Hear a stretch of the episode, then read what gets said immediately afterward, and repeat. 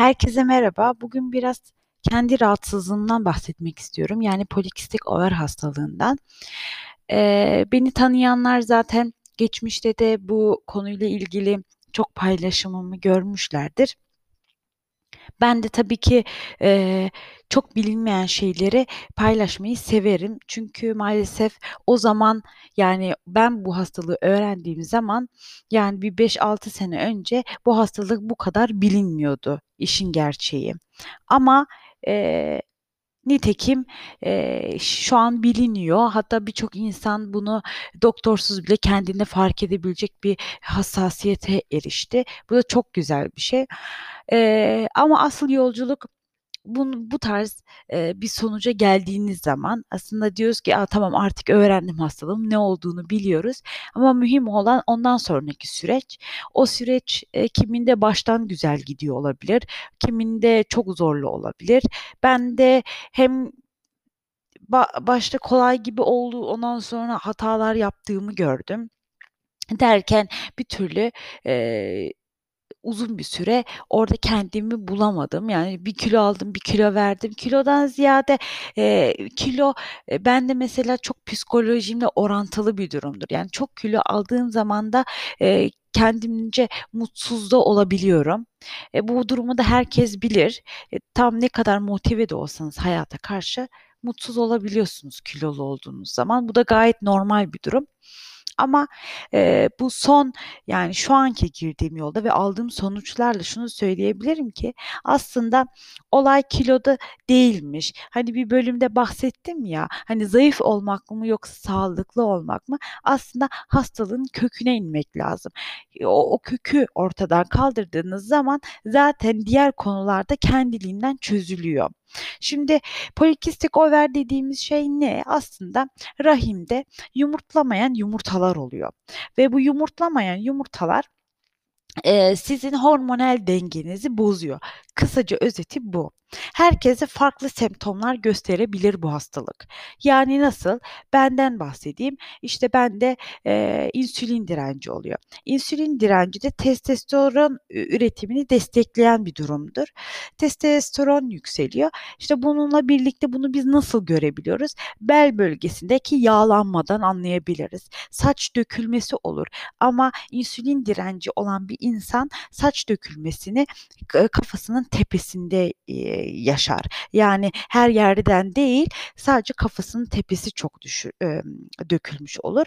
Dikkat ettiğiniz zaman da son zamanlarda birçok kadında bu sıkıntı var. Kafasında yukarıda bir dökülme yaşar, orada boşluklar oluşur. Bu aslında insülin direnci ve insülin direncinin de, getirdiği testosteronun yükselmesiyle olan bir kısır döngüden kaynaklanıyor. Çünkü erkeklerde bilirsiniz saç döküldüğü zaman onlarda da tepeden yük eee, dökülür o saç. E, bazen kıllanma da olabiliyor. Yani mesela, eee, kadınlarda o testostero testosterondan, eee, sebep mesela kıllanmaları oluyor. İşte sakal gibi, bıyık gibi, göğüs aralarında ya da göbek üstü üstlerinde, yani o göğsünün arasından, işte, aşağıya inen o bir yol vardır, bir çizgi vardır. Göbek, eee, deliğinin üstü ve alt kısmında. Oralarda mesela kıllanmalar oluyor. Mesela bunların sebebi genellikle bu fazla testosterondan kaynaklı. Evet. Eee, bu konu böyle. Eee, bende tabii ki bu durum saç dökülmesiyle olarak gö gösterdi kendini. Yani çok öyle aşırı bir kıllanmam yok. Emm, hatta hiç yok diyebilirim. Eee, ama, saçımın o üst bölgesinde özellikle o bir hafif yanlarda bir dökülme var. Onu hissediyorum.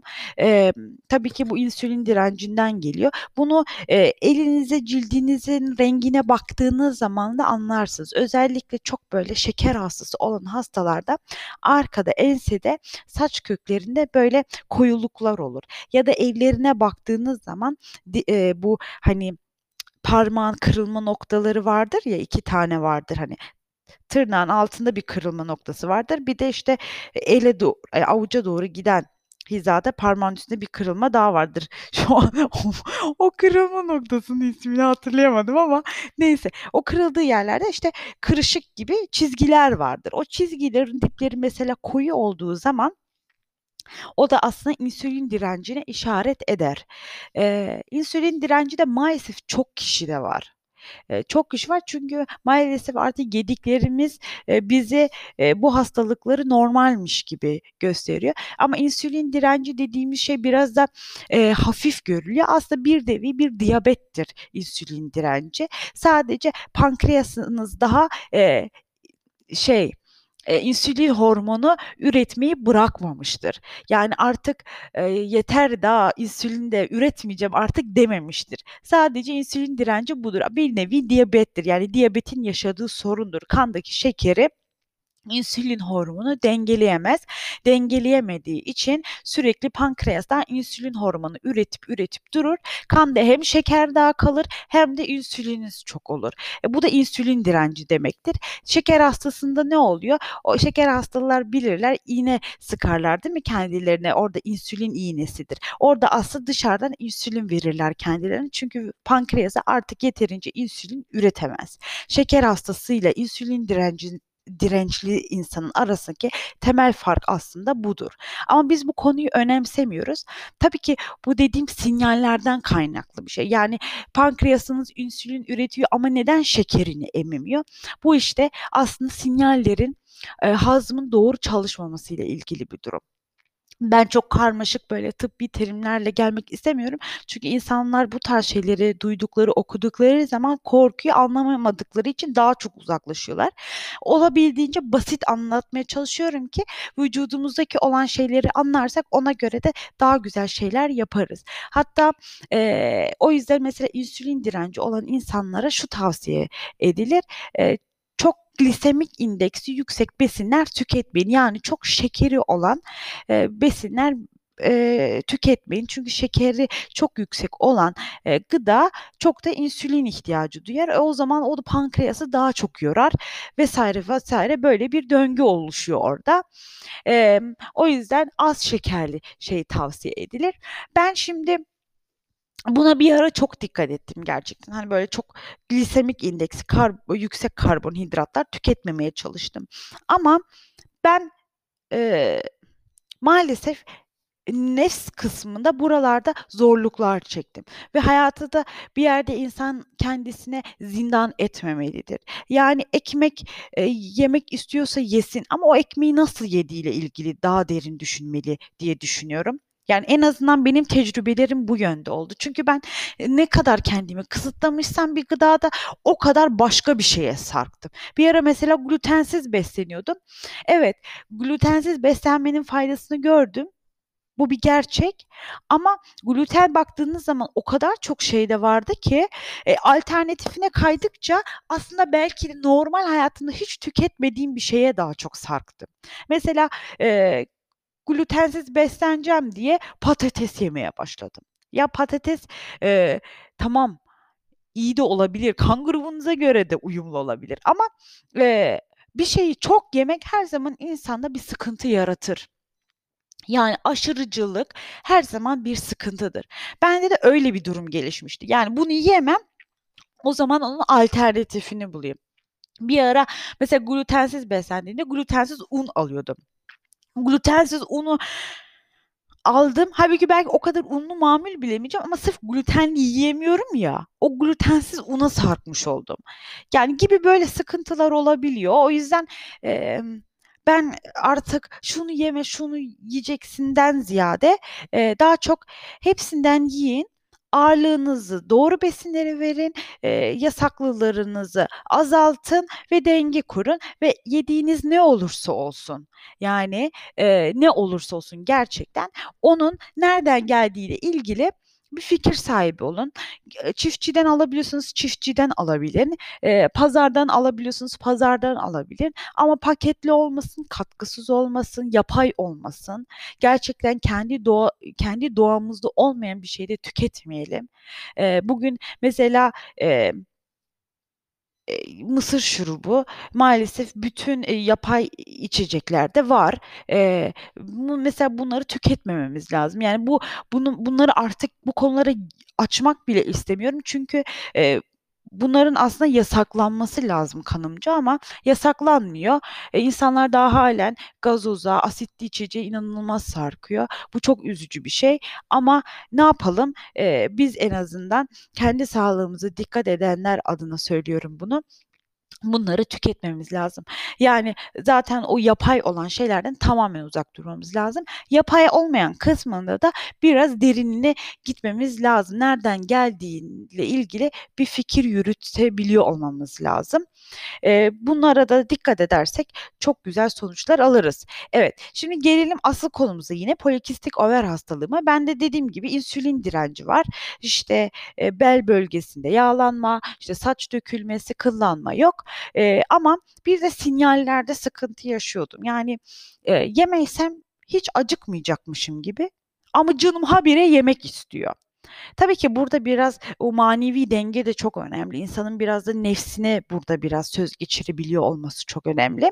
Bunların üzerinde de ayrıca çalışıyorum ama e, genel olarak e, bedenim de tepkileri e, biraz karışmış durumdaydı artık ne yapsam yarayacakmışım. Su içsem bile yarayacakmış bir hisse girdim.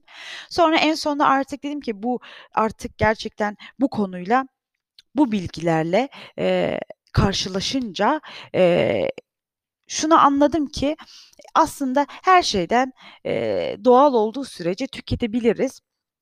Ama usul bazen içerikten önemlidir. E, usule dikkat etmeye başladım. Artık su içsem de yaramam, yaramıyor.